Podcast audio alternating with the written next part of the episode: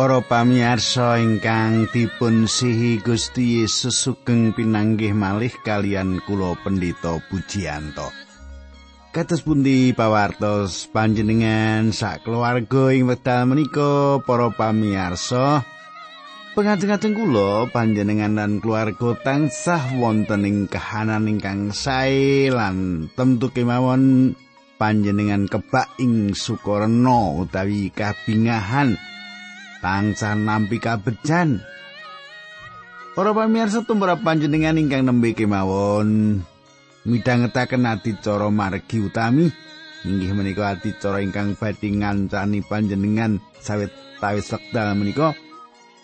Ngeten para pamirsa bilih kula menika badhe nderekaken panjenengan mangertos babagan-babagan kayektosan ingkang dipun pratelakaken saking kitab suci kita menika.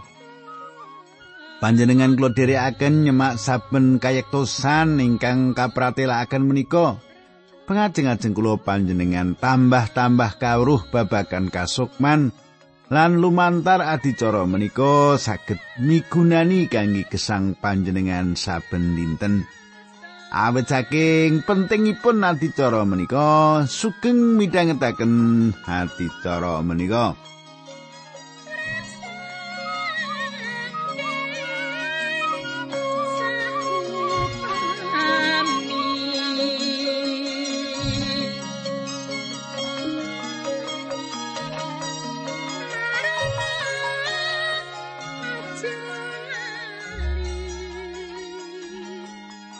Para pamirsa, kula sampun makaping kaping ngaturaken dumateng panjenengan pilih adicara menika.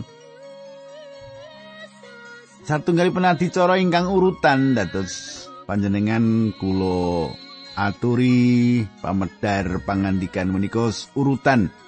Samenika sampun dumugi kitab Ayub, nggih kitab Ayub. Kepengker kula sampun ndherekaken panjenengan nyemak pilih kawicaksanan ingkang dipun ajeng-ajeng ayub. Badhe dipun beto dening para mitranipun inggih menika kawicaksanan ingkang nglangkungi wates kawicaksananipun manungsa. Nggih. Nah, kados pundi kelajenganipun kita badhe ndedonga rumiyin saderengipun kalajengaken. Kanjeng Rama ing swarga kawula ngaturaken gunging panuwun menawi wekdal menika kawula saged tetunggilan kalian sederek-sederek kawula ingkang setya tuhu midhangetaken adicara menika. Kawula nyuwun Gusti berkahi Gusti mitulungi lan kawula pasrahaken wonten ing asta paduka. Adicara menika linambaran asmanipun Gusti Yesus Kristus kawula ndedonga. Haleluya. Amin.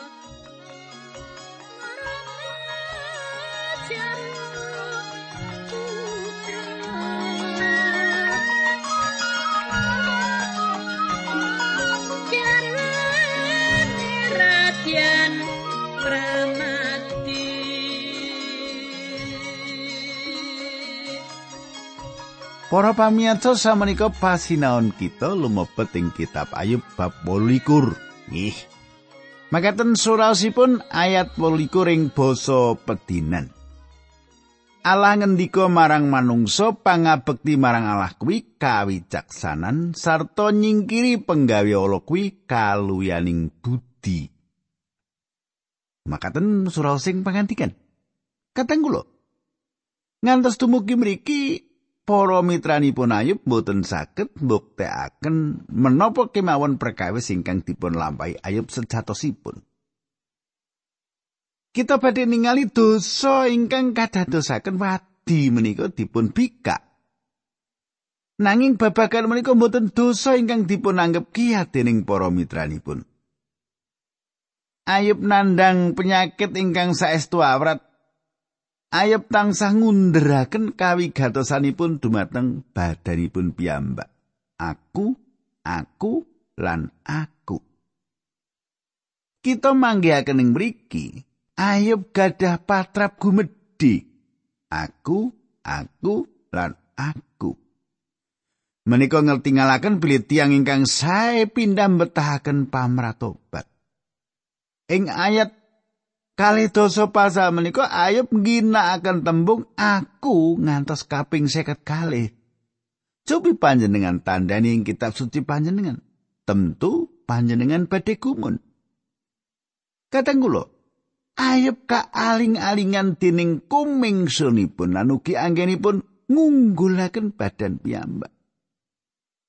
Patrap ingkang kados makaten menika dados perkawis ingkang ageng. Kita badhe ningali kados pundi patrap ingkang kados makaten menika gadah daya pengaruh ingkang ageng kangge gesangipun Ayub. Aku, aku, aku. Kumingsun. Badi gadah daya pengaruh atas gesangipun tiang. Tiang menika kekandhaleni dening watek kumingsunipun menika. Wonten tiang ingkang sanjang nalika kowe kakendhaleni dening kumingsunmu dhewe katone cilik nanging sejatine masalah gedhe. Kadang kula pasal menika mboten wonten pengaken ayub ingkang dipun pocapaken. Menika dados gambaran kados pundi gumedhenipun ayub.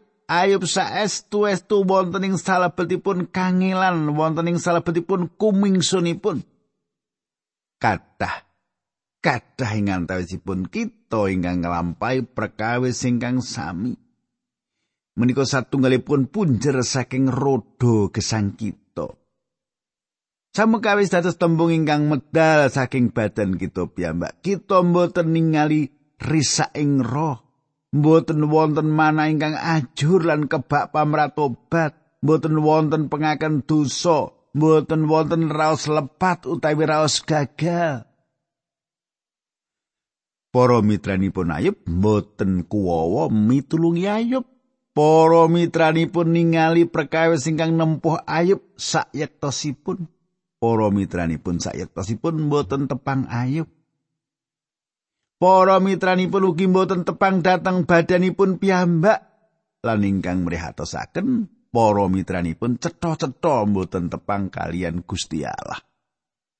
Para mitranipun pitados bilih Gusti Allah ngintunaken kangelan dumateng ayub nanging dados satunggal paukuman lan para mitranipun Ayub pikir mboten purun ngageni dosa menika. Para mitranipun Ayub menika dados juru lipur ingkang ginakaken cara nyaketi ingkang benten. Nanging kados mekaten rering kesanipun tetep kemawon sami. Kadang kula kita saged ngringkes cara ingkang dipun ginakaken para mitranipun Ayub menika. Elipas inggih menika tiyang ingkang celatu alandesen pengalaman. Biambaipun ginakaken menapa ingkang kita sebat wekdal menika pendekatan psikologis. Menika satunggalipun pendekatan saking kegiatan pikiran positif. Cara menika ngangkat satunggal patrap ingkang kebak kabingahan. Bildat menika tiang tradisionalis lan piyambakipun ginakaken pendekatan filsafat ingkang dipun tindakaken menika sinebat pendekatan ingkang ugi dipun nut dening sawetawis seminari teologi jaman samenika. Pendekatan ingkang makaten menika ugi dipun tindakaken dening sawetawis seminari teologi jaman samenika. Seminari-seminari menika ngginakaken pendekatan filsafat nanging tetep boten mitulungi sinten kemawon. Sawetawis menika so far inggih menika tiyang ingkang dogmatis religius.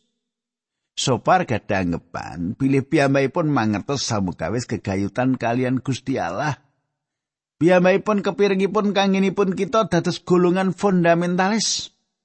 Kita sedaya saged mlebet ing salebetipun golongan saking salah satunggal mitra-mitronipun tradisional, filsafat, terus psikologi nggih. Terserah apa Kata ingkang sampun kita semak mboten wonten satunggal tiang saking tiang-tiang menika ingkang mitulungi Ayub.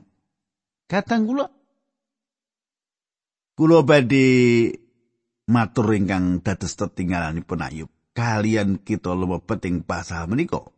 Pilih piyambakipun menika tiang ingkang sempurna manut ukuran ingkang sampun dipun tetepaken Gusti Allah.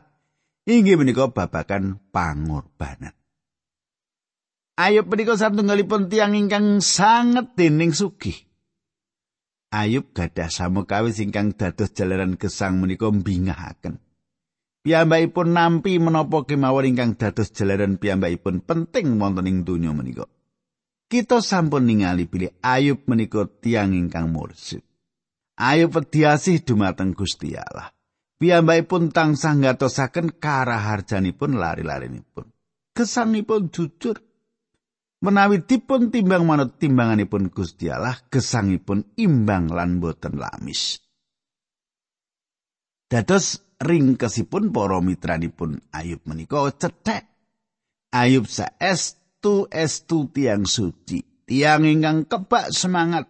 Dados putranipun Gusti Allah tuwung kabecanipun ing jagat kebak lan ambanyu mili menawi makaten kenging menapa tiang menika kedah nandang kasangsaran katang kula sayektosipun panandang ingkang dipun lampahi Ayub sami pentingipun kados ulam ing salebetipun kitab Yunus ing pundi perkawis utaminipun inggih menika antawisipun Yunus lan Yehuwa. Ing mriki perkawis utaminipun inggih menika Ayub kalian Yehuwa. Malah iblis mungsuh menika mboten mlebet etungan. Masalah utaminipun inggih menika Ayub Ayub mboten tepang dumateng badanipun piyambak lan piyambakipun mboten tepang Gusti Allah. Sokrates nate sanjang, kenali awakmu dhewe. Menika penting, Ayub mboten tepang dumateng badanipun piyambak, piyambakipun beneraken badanipun piyambak lan nyengkuyung badanipun piyambak. Piyambakipun nampi sedaya jinis pangaji saking tiang lan namung wonten sekedhik pambombong dumateng badanipun piyambak. Patrap menika tentu kemawon satunggalipun patrap kumingsun secara kasukman ing salebetipun gesang tiang ingkang gadah nami Ayub menika. Kita badhe ningali kanthi cetha ing wekdal Gusti Allah ganjar Ayub wonten ing bot repot ingkang aprap. Para pamirsa samenika pasinon kita lumebet ing Ayub 29. Nggih, Ayub 29. Ayub samenika meratelaken kegayutan badanipun piyambak. Piyambakipun nyariosaken lelampahanipun ingkang dipun lampahi ing jaman kepengker. Pasal 29 ngetingalaken gesangipun Ayub kados-kados sing pasal menika meratelaken iki lho uripku. manut tetinganipun Ayub. Ayat setunggal kali. Saterusnya Ayub muni mengkini.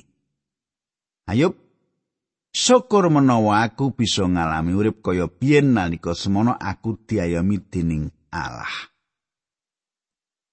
Kadang kula menapa ingkang dipun pratelaken Ayub menika ngemutaken kula cariyos satunggal pesta teh alit ingkang nate kula pirengaken. Aku melu pesta teh cilik sore iki jam telu sawijining pesta kang cilik tamune mung wong telu mung aku aku lan aku aku uga kang mangan roti nalika aku ngombe teh aku uga kang mangan rotine lan ngedomake roti kuwi marang aku kang ngarang ora diweruhi sapa. Gitu niki. Dadi pesta wong telu ning aku kabeh nggih. Nah para pamirsa kula lajengaken pasal 29 ayat 3 Aku tansah dipitulungi nalika mlaku ing petengan dalanku dipadani. Para pamirsa panjenengan katasaken inggih kesang kepengker ingkang indah ingkang nate dipun lampahi Ayub. Ayat sekawan kuwi dina-dinaku sing bejo dewi nalika omahku direksa merga nggonku memitran karo Allah. Panjenengan semak inggih menika tiang ingkang wiwit nemipun ngladosi Gusti Allah.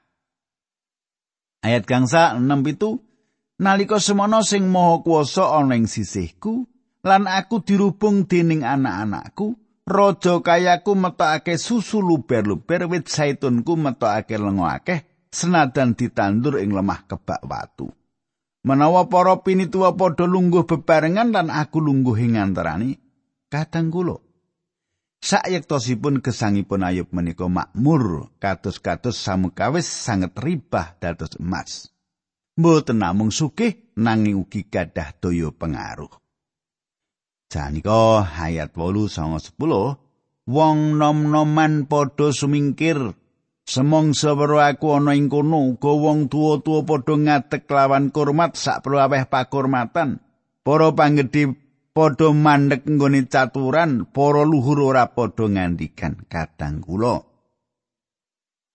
Kula bayangaken lare-lare alit badhe mlajeng singitan menawi kepanggih Ayub awit Ayub menika gadah kaprabawan Tiang sepuh badhe jumeneng ing wekdalipun ningali Ayub, tiang-tiang badhe mbikak topinipun lan bungkuk wonten ing ngajengipun Ayub.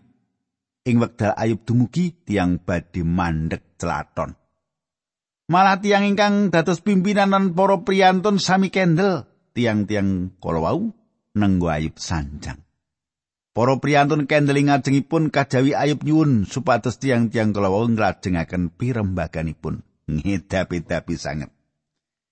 Kita lajengaken ayat 11 lan kali 11. Kabeh wong padha gumun krungu crita bapakku. Sopo sing weruh aku ngalem marang jasaku?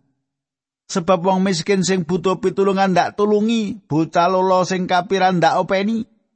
Panjenengan katosaken. Ayo puki nyukani pitulungan dumateng tiang miskin. Ayat 13. Wong sing sangsara padha ngalembono marang aku para rondo ndak tulungi, mula padha tentrem panjenengan semak ayub ngrimat ugi rondo ayub kebak kawigatosan ayat 12 Aku tumindak jujur tanpa cacat keadilan selawasin ndak jejegake. Para pamirsa panjenengan gatosaken malih.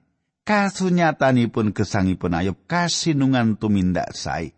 Lan tiyang kathah anda tengi Ayub kangge nyuwun iguh pratikel. Ayat kang 11 tumraping wong wuto aku dadi mripate. Tumraping wong lumpuh aku dadi sikile. Katang kula cetha sanget bilih kesangipun ayub saestu misuwur. Kita mbetahaken warga ingkang kados mekaten ing lalaten kita. Ayat 16 tumraping wong miskin aku dadi bapakne tumraping wong monco aku dadi pembelani Para pamirsa panjenengan katosaken ing mriki bilih Ayub naliti rumiyin saderengipun nuntut tiang sanes. Patra pingkang kados makaten menika arang dipun tindakaken tiang pitados sing jaman menika. Ayub namung milani tiang ingkang saestu-estu pantes dipun bilani.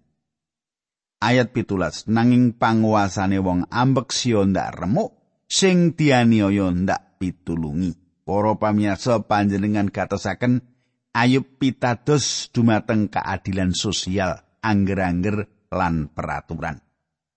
Piyambakipun cekap gada kaprabawan kangge nindakaken sedaya menika.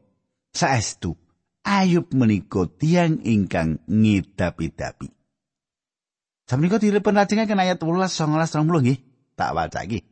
Sing ndak suwun muga aku kaparingan umur dawa lan mati ing omahku kelawan mareming ati.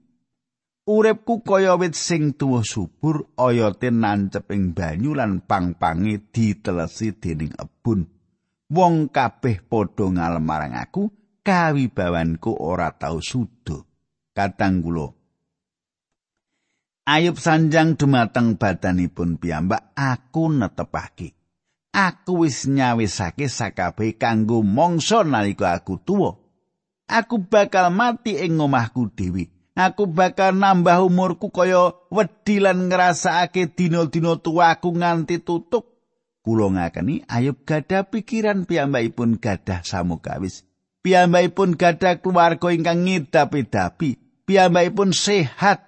Tiang boten saged mikiraken menapa-menapa ingkang piyambakipun boten gadah. Para pamirsa, kita lajengaken ayat selikur ngantos telulikur. Nggih, telung ayat, telung ayat iki. Makatan surasipun yen aku ngandani wong kabeh padha meneng tembungku dirungokake temenan. Sawise aku rampung nggonku guneman ora ana meneh sing perlu ditambahake. Tembungku rumesep kaya tumetese banyudan. Tembung-tembungku ditampa kanthi bungah kaya wong tani nampani tekani udaning mangsa rendheng. Kadang kula sedaya golongan madosi pituturipun Ayub Saderengipun tiang-tiang menika damel putusan, tiang-tiang badhe madosi Ayub lan nyuwun iguh pratikalipun. Gubernur negari-negari bagian dan pengadilan tinggi badhe ngrembak kathah perkawis kalian Ayub saderengipun tiang-tiang menika damel putusan. Kula ngaturaken bilih Ayub menika tiang pengageng-ageng ingkang gadah daya pengaruh ageng.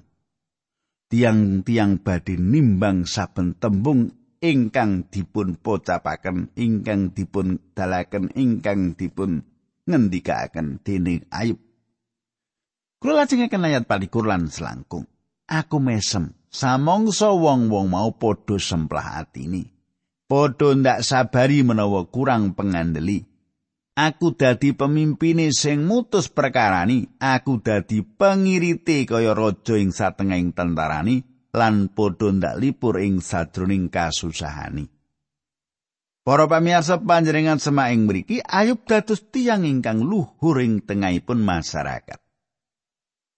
Piyambakipun gesang ing salebetipun kahanan ingkang kebak pikurmatan lan daya pengaruh. Piyambakipun menika tiyang ingkang kaidam-idamaken sasaranipun ingkang dipun tuju manungsa ing wekdal menika. Nggih menika kados makaten to? Kebak wibawani to. Piyambakipun nglampahi gesang sekeca. Piyambakipun sampun ngraosaken gesang ingkang luber-luber nanging ayub gesang ing salebetipun swarga tiyang ingkang bodho. Piyambakipun wonten ing salebetipun jagating cindera ing wekdal jam gandul mungel ing tengah dalu kereta gesangipun ribah dados kereta ingkang kadamel saking kulit jeruk bali emut menapa ingkang dipun sanjangaken ayub ing pasal 3 awit kang dadi aku wedi ku kang nempuh aku. Lan kang dadi wasumelangku iku kang malah nekani aku. Aku ora duwe ketenangan lan katentreman. Aku ora bisa ngaso nanging mung bingung sing ndak rasake. Ayub 3 ayat selangkung 16 ayub ajrih perkawis menika dumados. Piyambakipun ajrih sedaya bandanipun badhe telas lan dipun pendet saking gesangipun ing sak kedheping netra lan inggih kados makaten menika ingkang dumados. Kadang kula ayub mboten gadah menapa menapa kangge nyangga gesangipun malah para mitranipun mboten ngipur piyambakipun. Sayektosipun para mitranipun menika dados jalaran ayub dawah kanthi makaten nuwuhaken suwanten ingkang seru. Ayub sumindi dumateng anginipun beneraken badanipun piyambak. Panjenengan pirengaken menapa ingkang dados celatunipun Ayub sepindah malih ing ayat 18. Aku tumindak jujur tanpa catet keadilan selawase ndak jejegake. Ngantos kaping seket kali piyambakipun ginakaken tembung aku. Kita mboten mireng tembung ingkang maratelaken anggenipun ngakeni dosanipun. Mboten wonten tembung ngakeni atas sedaya kegagalanipun. Kita mboten ningali jiwa ingkang ajur lan ajur saking ayu. Kadang kula samenika pasinon kita lumebet ing kitab Ayub pasal tigang dosa. Pasal tigang dosa menika nglajengaken kegambaran Ayub ingkang wonten sambung rapetipun kalian kahananipun samenika ingkang sampun tatuarang keranjang. Lan nandang sengsara sanget. Bab tigang dosa ayat setunggal, makaten surasipun. Nanging aku saiki dikeguyu dening wong sing luwih nom tinimbang aku. Biyen bapakne wong-wong mau ndak anggap ora patut angon wedhusku bebarengan karo asu kang njogo wedhusku. Panjenengan katasaken. Aku kang mulangake kepiye carane nanging saiki para wong ala kang nom iki ngupengi aku lan mbalangi watu aku. Wong-wong mau ora mbobot aku ijin aku nyaritake para bapak saka anak-anak iki. Wong-wong mau malah ora kagunakake kanggo ngawasi raja kaya aku. Makaten nggih. Ayat kalih tiga. Tumraping aku wong-wong mau ora ana paedahe merga wis padha ora kekuatan.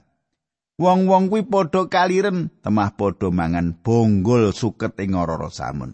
Kadang kula kita ningali kados pun ayub terus ngenyek para tiyang ingkang tumindak piawon menika ingkang samenika mbucal piyambakipun.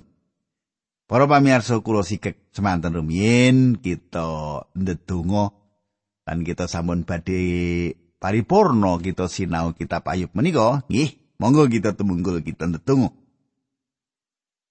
Kanjeng Rama ingkang ada dampar wonten kraton ing kasuwargan kawula ngaturaken gunging panuwun ing wekdal menika kawula saged nyinau lampah gesangipun Ayub Duh pengiran katatusno kaulo murid paduko ingkang tansah paduko berkahi.